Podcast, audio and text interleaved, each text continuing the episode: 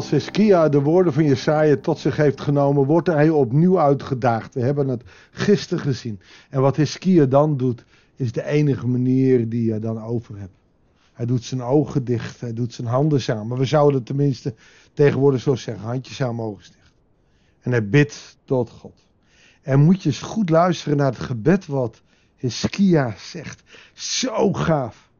Heer, God van Israël. U die op de Serep stroomt. U alleen bent God van alle koninkrijken op aarde. U hebt de hemel en de aarde gemaakt. Neem mij uw oor, Heer. En luister. Open uw ogen en zie toe. Nou, alleen al dit gedeelte van het gebed. Ik weet niet wie van jullie wel eens zo bidt. Meestal beginnen wij met ons waslijst. Ik probeer steeds meer te danken, te danken, te danken. Maar we mogen ook God prijzen, omdat hij de God is van de schepping. Tegenwoordig heb ik de neiging om met bidden uh, bij het eten ook te zeggen: Heere God, u heeft dit eten laten groeien op het veld. Het werd geoogst en het mocht klaargemaakt worden. Wat een zegen. Dan is het net wat meer dan, Heer, zegen deze spijs samen. Dankbaarheid en getuigen dat de Heer de schepper is van hemel en aarde. Is een hele bijbelse manier om God aan te spreken. En ook leen mij uw oor, oftewel luister alstublieft. Niet Heer, u moet luisteren. Nee, leen mij uw oor. Leen mij is iets van, alstublieft, wilt u mij, wilt u even naar me luisteren? Want ik, ik wil tot u spreken. En dan zegt hij, hoor met welke woorden Sanherib, de levende God, hoont. Het is waar, Heer, de koning van Assyrië hebben andere volken hun landen verwoest. En hun goden aan het vuur prijzen gegeven. Dat waren dan ook geen goden. Het waren slechts maaksels van mensenhanden. Beelden van houten steen die ze vernietigd hebben. Ik vraag u, Heer onze God, red ons uit zijn handen, opdat alle koningen op aarde zullen beseffen dat u, Heer, de enige God bent. Dus niet om mij, niet om ons, maar om Gods naam groot te maken. Ik, ik kom toch elke keer weer bij mijn uh, tattoo, die ik niet heb, maar die voor mezelf wel zie staan, uh, op mijn arm heb. Colossense 3 vers 23. Doe alles wat u doet voor de Heer en niet voor mensen. Dus Kia bidt hier niet om, omdat hij gered wordt, maar dat Gods eer niet aangetast wordt als de koning van Assyrië het volk weet te overmeesteren. Dat heeft hij al gedaan met het tienstammenrijk, met Israël. Maar nu Juda ook nog? Nou, als het Iskia ligt niet. En daarom, daarom bidt hij tot God. En dit is wat ik, de Heer, over hem zeg. Dus God zegt over de koning Sanherib van Assyrië. Vrouwen Sion minacht je, ze lacht je uit. Meewaardig schudt Jeruzalem haar hoofd. Een metafoor van een vrouw die haar hoofd schudt. Sion is het tweestammenrijk met Jeruzalem als hoofdstad. Weet wie je hebt beledigd en bespot. Weet wie je hebt beledigd. Hoor je dat? Wie je hebt uitgejouwd, uitdagend aangekeken. Het was de heilige van Israël. Heb je wel enig idee, koning Sanerib, wie je aan het aanpakken bent. Het is niet dezelfde als een stenen beeld van die andere landen die je hebt. Het is niet, ja, het is wel dezelfde God als van Israël.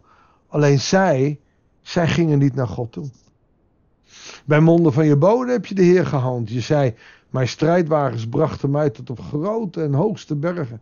Tot in de verste hoeken van de Libanon. Zijn hoogste cedes velde ik zijn mooiste cypressen.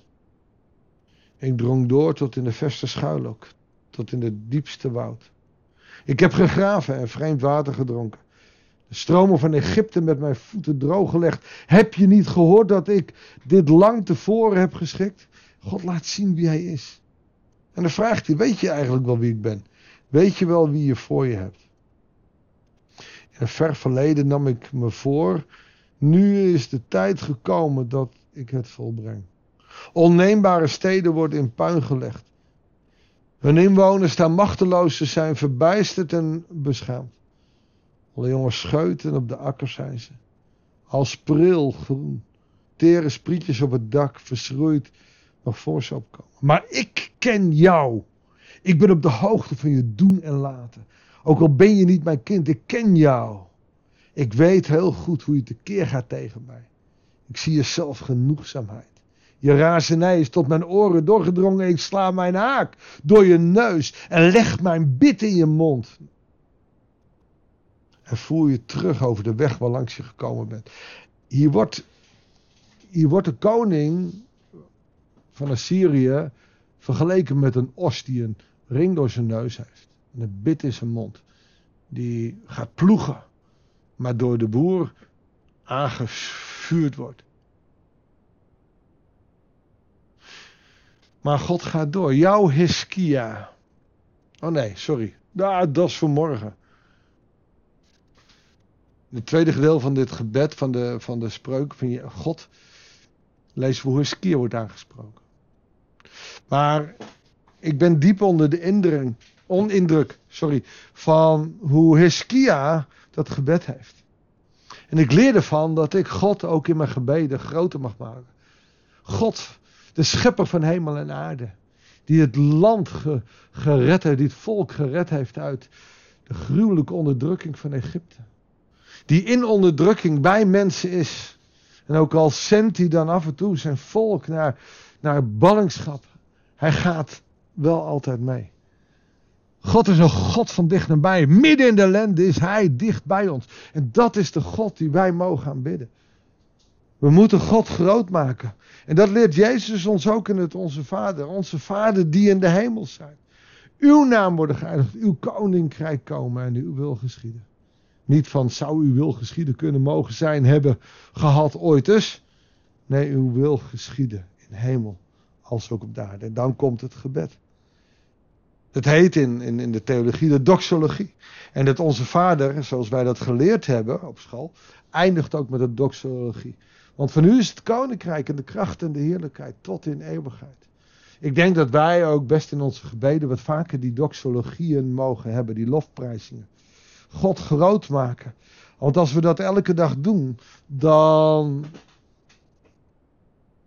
dan kunnen we niet anders dan gezegend worden door God. Zullen we dan maar gewoon gaan bidden en God groot maken? Trouwe God en Vader schepper van hemel en aarde. U die de woeste aarde zag en hem volmaakt deed maken. De mens erop zette en ze vernietigde hem.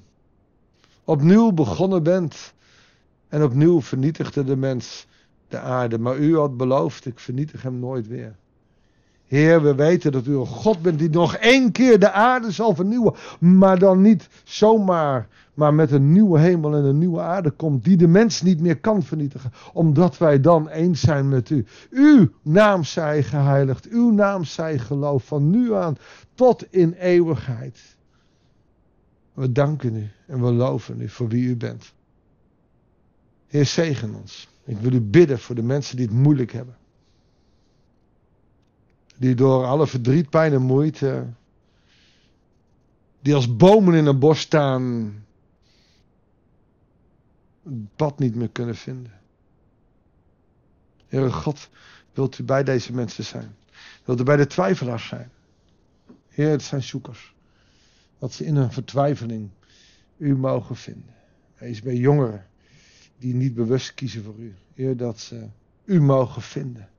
Wees bij ouderen soms levensmoe, wees bij ze. Zegen hen.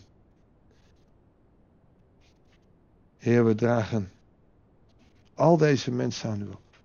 En onszelf, Heer, dat wij vol mogen zijn van u. Om uw naam groot te maken op deze aarde. Dit bidden wij en danken wij u. In Jezus' naam. Amen.